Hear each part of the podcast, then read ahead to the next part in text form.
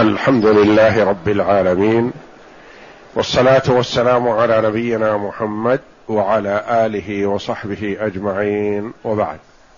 بسم الله. بسم الله الرحمن الرحيم. قال المؤلف رحمه الله تعالى ومن الإيمان بالله وكتبه الإيمان بأن القرآن كلام الله. منزل غير أول. وقد دخل فيما ذكرناه من الإيمان. وقد دخل نعم ومن الإيمان بالله وكتبه نعم. ومن الإيمان بالله وكتبه الإيمان بأن القرآن كلام الله غير منزل غير مخلوق. منه بدأ وإليه يعود. وأن الله تكلم به حقيقة. وأن هذا القرآن الذي أنزله على محمد صلى الله عليه وسلم هو كلام الله حقيقة لا كلام غيره. ولا يجوز نعم. ولا يجوز إطلاق القول بأنه حكاية عن كلام الله أو عبارة بل إذا قرأه الناس أو كتبوه في المصاحف لم يخرج بذلك عن أن يكون كلام الله تعالى حقيقة. فإن الكلام إنما يضاف حقيقة إلى من قاله مبتدئا لا إلى من قاله مبلغا مؤديا. نعم. وهو كلام الله حروفه ومعانيه. ليس كلام الله الحروف دون المعاني ولا المعاني دون الحروف. قول المؤلف رحمه الله تعالى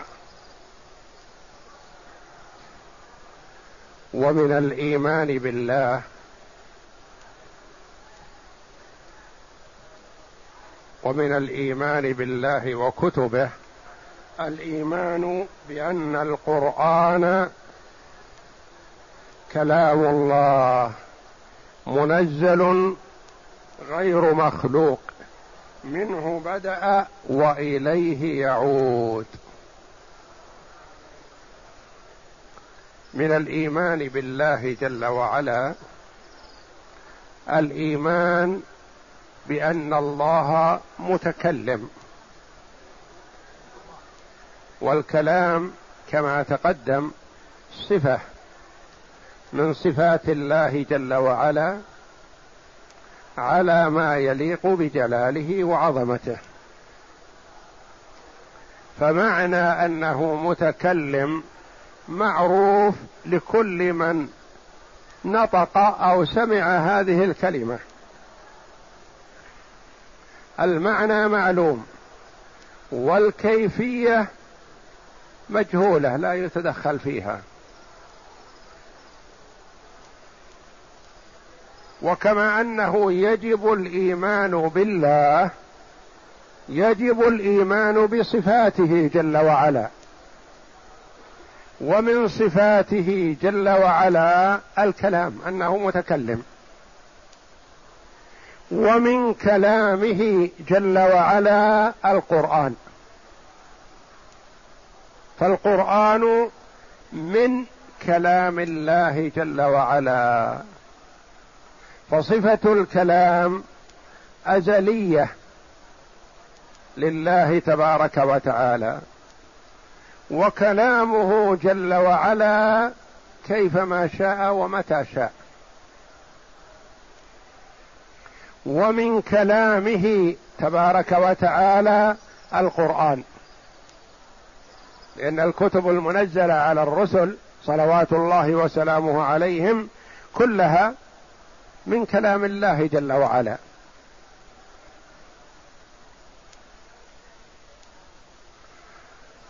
وخص المؤلف رحمه الله تعالى القرآن بأنه من كلام الله لأنه حصل بالقول بخلق القرآن فتنة عظيمة.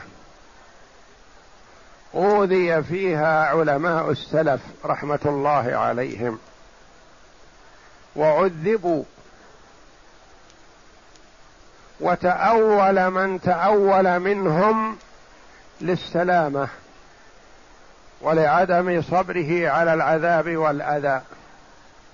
ومنهم من صبر وتحمل الأذى والضرب والسجن والتعذيب في ذات الله تبارك وتعالى.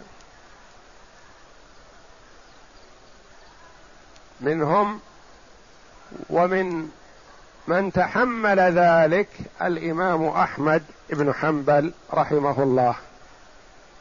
عقبها لقب بإمام أهل السنة رحمة الله عليهم. وقال عنه بعض العلماء أبو بكر يوم الردة وأحمد يوم المحنة. امتحنوا للقول بخلق القرآن لأنه صار للمعتزلة صولة وجولة وتسلط على الولاة فأجبر الولاة الناس على القول بخلق القرآن. فرفض علماء السنة ولم يستجيبوا فأوذوا وعذبوا فمنهم من تأول ومنهم من صبر وهو الإمام أحمد ومعه عدد قليل.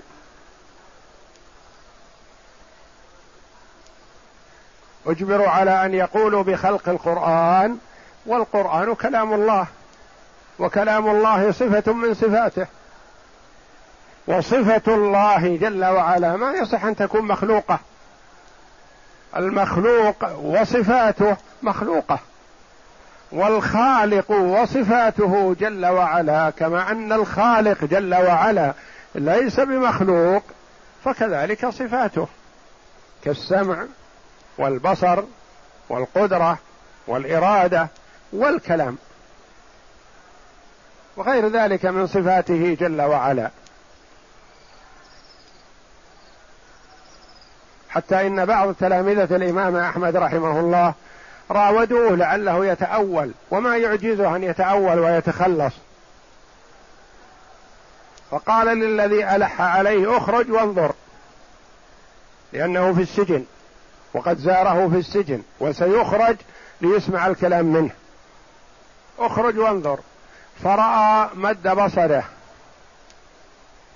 الناس ينتظرون ومعهم الأقلام والمحابر فقال ما تريدون؟ فقالوا نريد ما نسمع من الإمام أحمد نقوله. فرجع فاخبره فقال يا مرودي تريد أن أضل هؤلاء؟ يعني من أجل سلامة بدني ولا ضرب؟ وهو ابن فوق السبعين سنة رحمة الله عليه. ووضعت فيه القيود التي يعجز عن حملها الشبان. رحمة الله عليه. وصبر وقال القرآن كلام الله غير مخلوق منه بدأ وإليه يعود.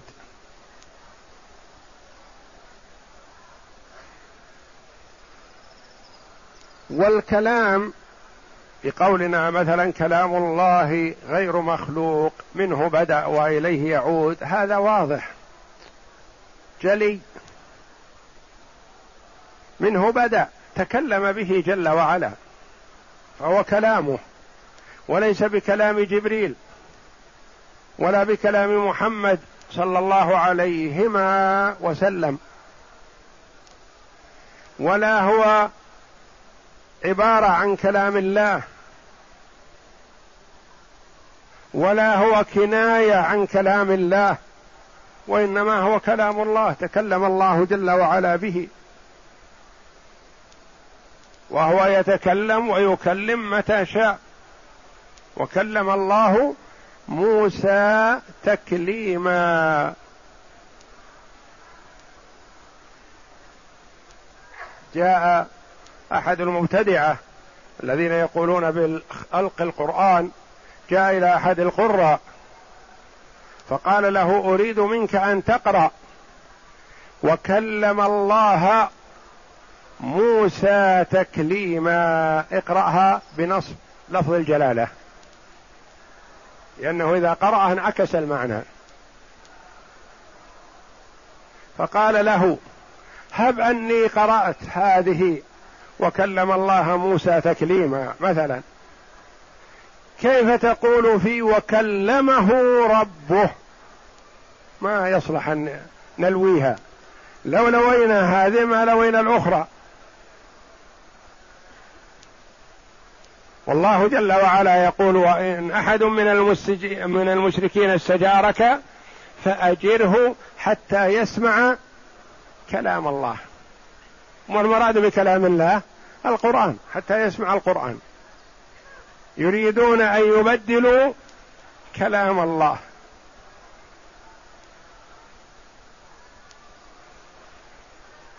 منه بدأ تكلم به جل وعلا. وسمعه جبريل عليه السلام ونزل به على محمد صلى الله عليه وسلم فهو نزل من عند الله تبارك وتعالى. كما قال الله تعالى في آيات كثيرة ومنها قوله تعالى إنا أنزلناه في ليلة القدر. والآيات كثيرة.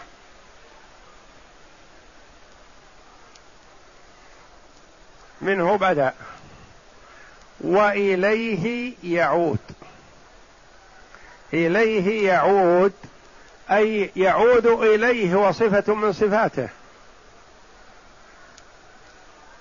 فهو منه بدايته وإليه عودته فهو منسوب إليه. لا لا منسوب إلى جبريل ولا منسوب إلى محمد ولا بقول شاعر ولا بقول كاهن ولا بقول الذي يلحدون إليه أعجمي ولا بقول أي أحد كائنا من كان سوى الله جل وعلا. أو إليه يعود يعني في آخر الزمان من علامات قيام الساعة نزع رفع القرآن من المصاحف والصدور. يبيت الناس فيصبحون لا في صدورهم شيء من كلام الله ولا في المصاحف شيء من كلام الله. نزع. لأن الناس أصبحوا في ذلك الوقت ما يصلح أن يبقى بينهم كلام الله لأن كلام الله خير وبركة ونعمة وتوجيه وهؤلاء كالحمر أو أخس لا خير فيهم فينزع كلام الله من بينهم. والله جل وعلا يحمي ما شاء من مخلوقاته الأرضية مثلا إلى ما يشاء إلى وقت. فقد حمى الله جل وعلا الكعبة من كل يد أرادت أن تمتد إليها بسوء. وجاء أنه في آخر الزمان يأتي شخص من الحبشة ومعه جند كثير الله أعلم بعددهم لا يحصي عددهم إلا الله ينقضون الكعبة حجرا حجرا وكلما نقضوا حجر ناوله الذي إلى لجواره حتى يصلوا إلى البحر إلى جدة فيلقوه في البحر. وهذا في آخر الزمان حينما لا يكون لا يوجد من يصلح لأن يعظم الكعبة. وإلا فالله جل وعلا يحمي كلامه إنا نحن نزلنا الذكر وإنا له لحافظون إلى ما يشاء ويحمي بعض مخلوقاته إلى ما يشاء. فإذا أراد شيئا فلا راد لأمره. إذا أراد قبض أرواح المؤمنين أرسل جل وعلا ريحا خفيفة تقبض كل نفس كل نفس كل مؤمن ومؤمنة. والله جل وعلا يدافع عن الذين آمنوا إلى ما يشاء.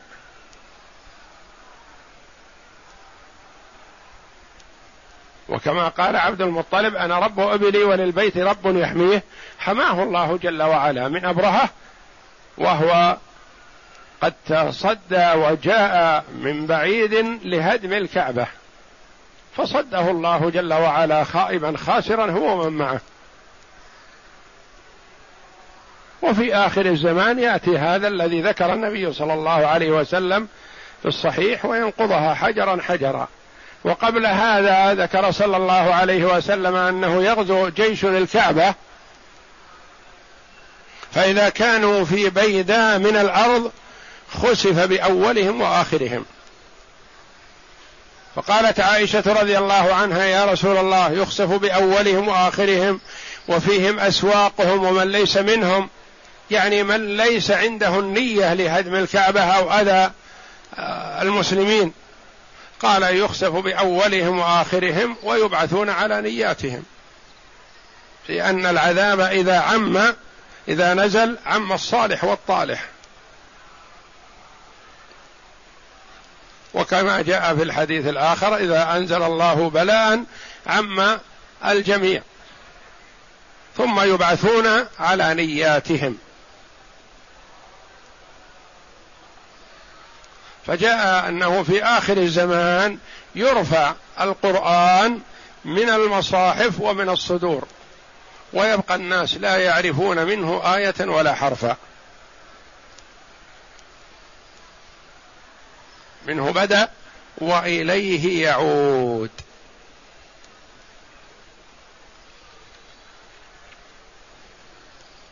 المعتزلة قالوا بخلق القرآن. القرآن مخلوق. كيف مخلوق؟ قالوا إنه ش... قالوا إنه شيء. وهذا الشيء مخلوق لله تبارك وتعالى.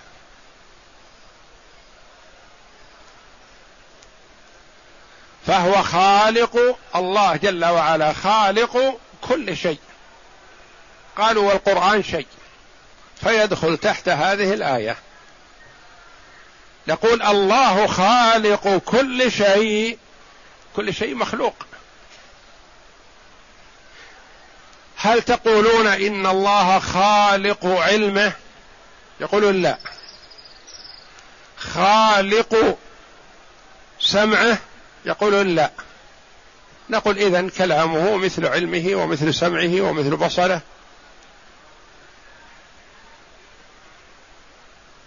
ثم إن كلمة كل شيء الله خالق كل شيء.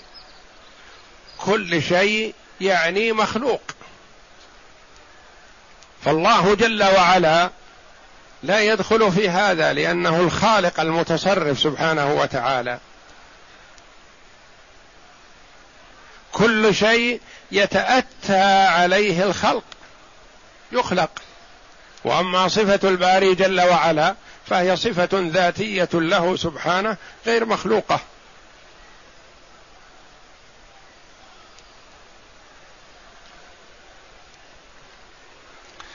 والسلف رحمة الله عليهم يتحرجون من الإتيان بالتعمقات التي ما وردت في الكتاب ولا في السنة. فما ينبغي للإنسان أن يقول مثلا لفظي بالقرآن مخلوق. ولا يجوز له أن يقول لفظي بالقرآن غير مخلوق. وإنما يقول القرآن كلام الله منزل غير مخلوق منه بدا وإليه يعود. ولذا قال الإمام أحمد رحمه الله من قال لفظي بالقرآن مخلوق فهو جهمي. ومن قال غير مخلوق فهو مبتدع. لأن هذا لا هذا ولا هذا ورد. وإن قال مخلوق فهو سلك مسلك الجهمية والمعتزلة. وإن قال لفظي بالقرآن غير مخلوق فهو مبتدع لأنه ما ورد عن السلف. واللفظ يشمل الملفوظ ويشمل اللفظ الذي هو القرآن. فالملفوظ الذي هو مثلا الهوى والصوت وما يخرج من الحلق ونحو ذلك من الإنسان ومن الشفتين ومن الأسنان هذا مخلوق من جزء من الإنسان وهو مخلوق مثله. الكلام الذي ينطق به ناطق الناطق به الأول جل وعلا هذا لفظ غير مخلوق. فلذا ما يجوز للإنسان أن يقول هذا قول لفظي بالقرآن مخلوق هذا ما يحتاج. واضح أنه كلام الجهمية ولم يقل بها أهل السنة لكن ما يجوز له أن يقول لفظي بالقرآن غير مخلوق. لأنها ما جاءت وما وردت.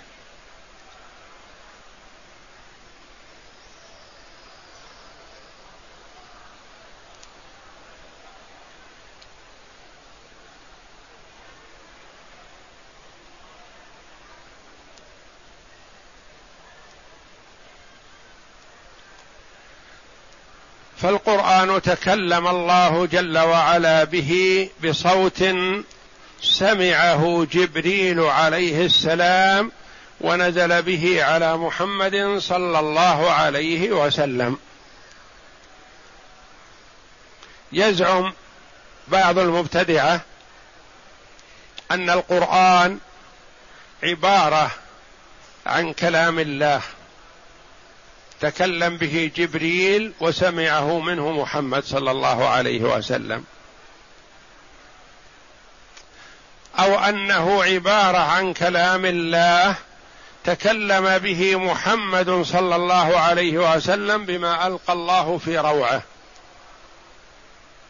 قالوا هو كلام منهم من قال كلام جبريل ومنهم من قال كلام محمد صلى الله عليه وسلم. وقالوا نستدل على هذا القول بشيء من الآيات. ما هي؟ قوله جل وعلا إنه لقول رسول كريم وما هو بقول شاعر قليلا ما تؤمنون ولا بقول كاهن قليلا ما تذكرون. إنه لقول رسول كريم. لا شك أن المراد بالرسول هذا محمد صلى الله عليه وسلم. هذه التي في سورة الحاقة. وقوله تعالى إنه لقول رسول كريم ذي قوة عند ذي العرش مكين مطاع ثم أمين. هذا يراد به جبريل على نبينا وعليه أفضل الصلاة والسلام. فقالوا الآيتان تدلان على أن الكلام كلام محمد أو كلام جبريل. فنقول اولا ما يصح أن ينسب إلى الاثنين معا وهو كلام واحد. كلام واحد ما يمكن ينطق به الاثنان معا وينسب إليهما. لابد أن ينسب إلى واحد منهم. ثم ثانيا سماه الله جل وعلا في كلا الآيتين رسول. إنه لقول رسول يعني بلغه الرسول. ما الفائدة من الاتيان بكلمة رسول؟ لأنه مرسل. إنه لقول رسول كريم وما هو بقول شاعر. إنه لقول رسول كريم ذي قوة عند ذي العرش مكين. الأولى لمحمد والثانية لجبريل عليهما الصلاة والسلام. وعبر عن كل واحد منهما في هاتين الآيتين برسول يعني أنه مرسل. كلام رسول وكلام الرسول ينسب إلى مرسله. فالرسول إذا جاء وبلغ شيء إذا جاء رسول إلى الملك مثلا وبلغه برسالة من مكان ما. هل يقال إن هذا الكلام كلام هذا الرسول الذي حضر بين يدي الملك أم كلام من أرسله؟ لا شك أنه كلام من أرسله. والكلام ينسب إلى من تكلم به أولا.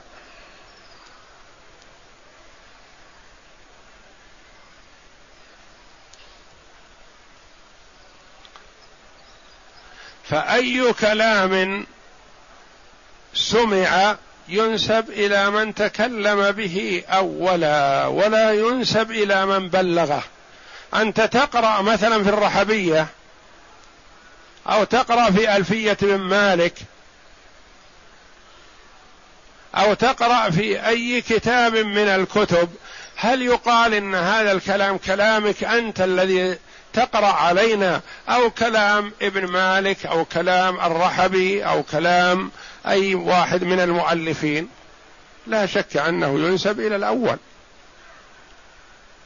تقرأ معلقة من المعلقات السبع. نقول هذا كلامك؟ لا. كلام المتكلم بها الأول.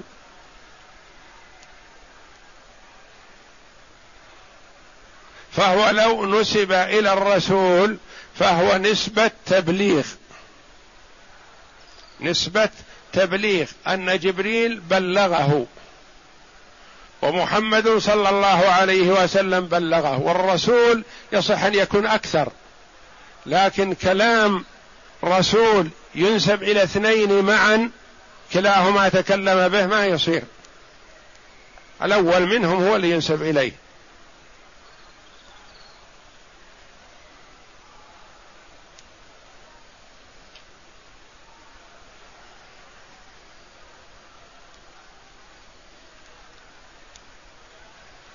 ولا يجوز أن نقول إنه عبارة عن كلام الله أو حكاية عن كلام الله.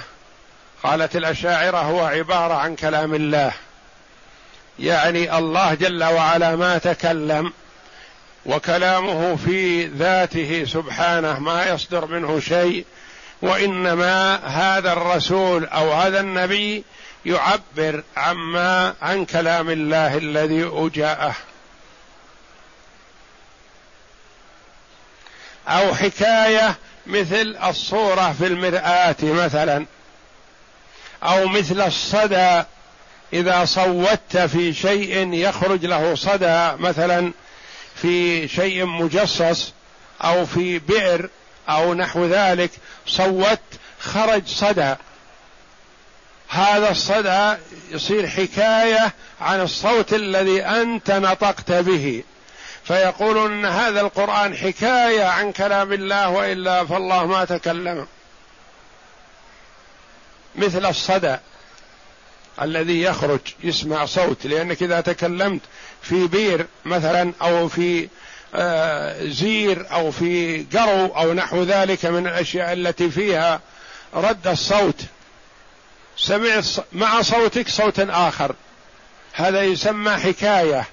حكاية للصوت الذي صوته في البئر أو الجبل أو نحو ذلك. وهذا كلام الكلابية طائفة من الطوائف عندهم شيء من الضلال وهم أخف من غيرهم. أو عبارة عن كلام الله كلام الأشعرية. يقولون الله ينفون عن الله جل وعلا صفة الكلام ويقولون هذا عبارة عن كلام الله. وأهل السنة والجماعة يقولون كلام الله حقيقة.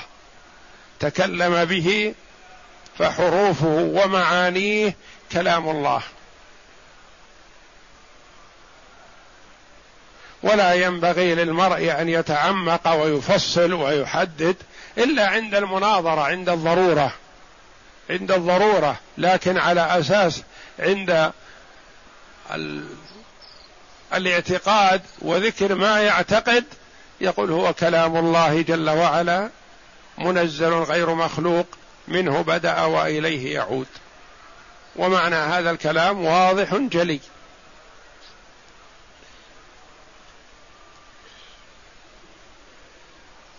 لأن التفصيل في الكلام مثلا قد يوقع الإنسان في شيء ما ورد عن السلف. وقد يتعمق الإنسان في الإثبات فيخطئ ويزل. يقول الحبر مثلا الذي يكتب فيه كلام الله غير مخلوق. هذا ما يقول عاقل. الحبر مخلوق. الورقة التي نكتب فيها كلام الله مخلوقة. اللهات واللسان والصوت والصوت الذي يخرج مثلا اللفظ الذي يلفظ به الإنسان هذا جزء من الإنسان وهو مخلوق من الإنسان مع الإنسان. وإنما الكلام المتكلم به الذي تكلم الله به كلام الله غير مخلوق منه بدا وإليه يعود. فلذا يحذر السلف رحمة الله عليهم عن التعمق في الأمور التي ما ورد منها شيء في الكتاب ولا في السنة. خشية الزلل. وقد يضطر الإنسان أحيانا للتعمق عند المناظرة مثل ما ورد عن بعض السلف مثلا عند المناظرة يضطرون لهذا لأجل دحض ورد بدعة المبتدع وكما روي عن الإمام أحمد رحمه الله من قال لفظي بالقرآن مخلوق فهو جهمي ومن قال لفظي بالقرآن غير مخلوق فهو مبتدع لأن كلا اللفظين ما ينبغي أن يقوله الإنسان.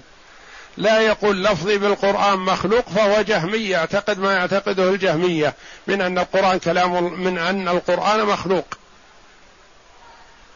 أو يقول لفظي بالقرآن غير مخلوق هذا ما يصح لأنه يحتمل. إذا أردت مثلا الملفوظ به فهو غير مخلوق. وإذا أردت اللفظ الذي هو الصوت والكلام والهوى ونحو ذلك فهذا مخلوق. واللفظ منه ما هو مخلوق ومنه ما هو غير مخلوق. فإذا تكلمت بالقرآن فاللفظ غير مخلوق. وإذا تكلمت بالحديث أو بكلام أهل العلم أو بكلام الشعراء أو بكلام النحويين فهذا اللفظ والملفوظ كله مخلوق مخلوق. فعلى المسلم أن يحذر الزلل في هذا والتعمق قد يكون سببا للزلل أحيانا. ويخرج عما يقرره أهل السنة والجماعة. والحرص على أن يأتي بكلام واضح بين ولا يتعمق في التفسيرات التي قد تجره إلى ما لا يجوز له أو يتقول على السلف بما لم يقولوه.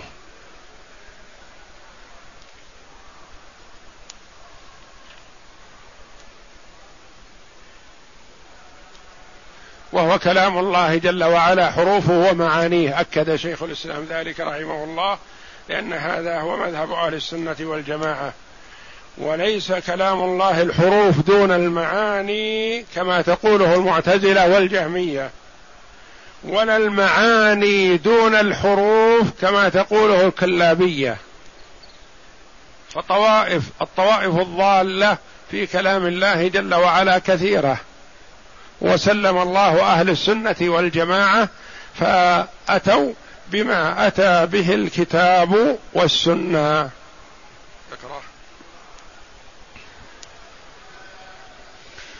قال الشارح رحمه الله تعالى قوله ومن الإيمان بالله وكتبه إلى آخره جعل المصنف الإيمان بأن القرآن كلام الله داخلا في الإيمان بالله. لأنه صفة من صفاته فلا يتم الإيمان به سبحانه إلا بها. إذ الكلام لا يكون إلا صفة للمتكلم والله سبحانه موصوف بأنه متكلم بما شاء متى شاء وأنه لم يزل ولا يزال يتكلم بمعنى أن نوع كلامه قديم وإن كانت آحاده لا تزال تقع. نوع الكلام قديم. وإن كانت أحاده لا تزال تقع شيئا فشيئا يعني صفة الكلام لله جل وعلا قديمة. ما يقال تكلم بعد أن لم يكن يتكلم تعالى الله. ولا يقال كل كلام الله جل وعلا قديم. لأن الله جل وعلا يتكلم متى شاء وكيف ما شاء. وإذا تكلم قال كفار قريش شيئا ما للنبي صلى الله عليه وسلم أنزل الله الجواب من كلامه سبحانه وتعالى. كما قال تعالى ويسألونك عن الروح قل الروح من أمر ربي. هذا كلام الله. صفة الكلام أزلية. وآحاد الكلام يعني أجزاء الكلام يوجد شيئا فشيئا. ما يقال إن الله جل وعلا تكلم في الأزل وخلص وانتهى. كلامه جل وعلا أزلي وآحاده تتجدد ومتى شاء تكلم جل وعلا. نعم وأنه لم يزل. إذ الكلام لا يكون إلا صفة للمتكلم وأنه سبحانه وتعالى موصوف بأنه متكلم. وأنه سبحانه موصوف بأنه متكلم بما شاء متى شاء وأنه لم يزل ولا يزال يتكلم بمعنى لم يزل ولا يزال يعني باستمرار. نعم. بمعنى أن نوع كلامه قديم وإن أن كان نوع الكلام قديم يعني الصفة. صفة الكلام لله جل وعلا أزلية وكلامه يتجدد آحاده. نعم. وإن كانت آحاده لا تزال تقع شيئا بعد شيء بحسب حكمته. وقد قلنا فيما سبق إن الإضافة في قولنا القرآن كلام الله هي من إضافة الصفة للموصوف. إضافة الصفة للموصوف. في إضافة إضافة الصفة للموصوف علم الله سمع الله بصر الله كلام الله قدرة الله إرادة الله إلى غير ذلك من صفات الباري جل وعلا. صف إضافة مخلوق لخالقه. بيت الله ناقة الله المساجد بيوت الله. هذه إضافة مخلوق لخالقه. كلام الله إضافة صفة لموصوف. نعم. وقد قلنا فيما سبق إن الإضافة في قولنا القرآن كلام الله هي من إضافة الصفة للموصوف. فتفيد أن القرآن صفة الرب سبحانه وأنه تكلم به حقيقة بألفاظه ومعانيه بصوت يعني نفسه. حروفه ومعانيه بألفاظ حروفه. نعم. بألفاظه ومعانيه بصوت نفسه. بصوته جل وعلا تبارك وتعاظم بصوته به سبحانه وتعالى سمعه جبريل من ربنا جل وعلا. نعم. فمن زعم أن القرآن مخلوق من المعتزلة فقد أعظم الفرية على الله ونفى كلام الله عن الله وصفا وجعله وصفا لمخلوق وكان أيضا متجنيا على اللغة فليس فيها متكلم بمعنى خالق للكلام. ومن زعم أن القرآن الموجود بيننا حكاية عن كلام الله كما تقوله الكلابية أو أنه عبارة عنه كما تقوله الأشعرية فقد قال بنصف قول المعتزلة حيث فرق بين الألفاظ والمعاني فجعل يعني أقل منهم أهون منهم وأخف منهم وهو قريب منهم. نعم. فجعل الألفاظ مخلوقة والمعاني عبارة عن الصفة القديمة كما أنه ضاه النصارى في قولهم بحلول اللاهوت وهو الكلمة في الناسوت وهو جسد عيسى عليه السلام. إذ قال بحلول المعاني التي هي الصفة القديمة في هذه الألفاظ المخلوقة فجعل الألفاظ ناسوتا لها. والقرآن كلام الله حيث تصرف فمهما كتبناه في المصاحف أو تلوناه حيث تصرف يعني على أي شيء. كتبناه قرأناه سجلناه هو كلام الله جل وعلا. نعم. والقرآن كلام الله حيث تصرف فما ولا يصح أن نأخذ القرآن كله ونقول هذا صفة من صفات الله اللي هو الورق والمداد الحبر ونحو ذلك. لا. هذه مخلوقة من مخلوقات الله مخلوقة وأم أما الكلام الذي فيه يتضمنه المكتوب هذا هو كلام الله جل وعلا. والقرآن كلام الله حيث تصرف فمهما كتبناه في المصاحف أو تلوناه بالألسنة لم يخرج بذلك عن أن يكون كلام الله لأن الكلام كما قال المصنف رحمه الله إنما يضاف إلى من قاله مبتدئا لا إلى من قاله مبلغا مؤديا. فجبريل عليه السلام نطق بالقرآن مبلغا عن ربه لمحمد صلى الله عليه وسلم. ومحمد صلى الله عليه وسلم نطق بالقرآن مبلغا عن ربه تبارك وتعالى للأمة. نعم. وأما معنى قول السلف رحمهم الله منه بدأ وإليه يعود فهو من البدء يعني أن الله هو الذي تكلم به ابتداء لم يبتدئ من غيره يعني أول ما وجد القرآن بدأ كلام الله تكلم الله به منه بدأ. وقيل نعم. ويحتمل, ويحتمل. أن يكون من البدو بمعنى الظهور. البدو من الظهور يعني منه ظهر القرآن من البدو. بمعنى الظهور يقال بدا القمر بمعنى ظهر يعني منه بدأ ظهور القرآن منه ظهر القرآن وبدا يعني هو المبتدئ به جل وعلا. نعم. يعني أنه هو الذي تكلم به وظهر منه لم يظهر من غيره ومعنى إليه يعود. أي يرجع إليه وصفا لأنه يرجع إليه وصفا فهو الله موصوف بالكلام والقرآن كلام الله. لأنه وصفه القائم به وقيل معناه يعود إليه في آخر الزمان حين يرفع من المصاحف والصدور كما ورد في أشراط الساعة. يعني من علامات الساعة رفع القرآن. نعم. وأما كون الإيمان بأن القرآن كلام الله داخلا في الإيمان بالكتب فإن الإيمان بها إيمانا صحيحا يقتضي إيمان العبد بأن الله تكلم بها بألفاظها ومعانيها وأنها لأن جميع الكتب المنزلة على الرسل صلوات الله وسلامه عليهم هي كلام الله جل وعلا.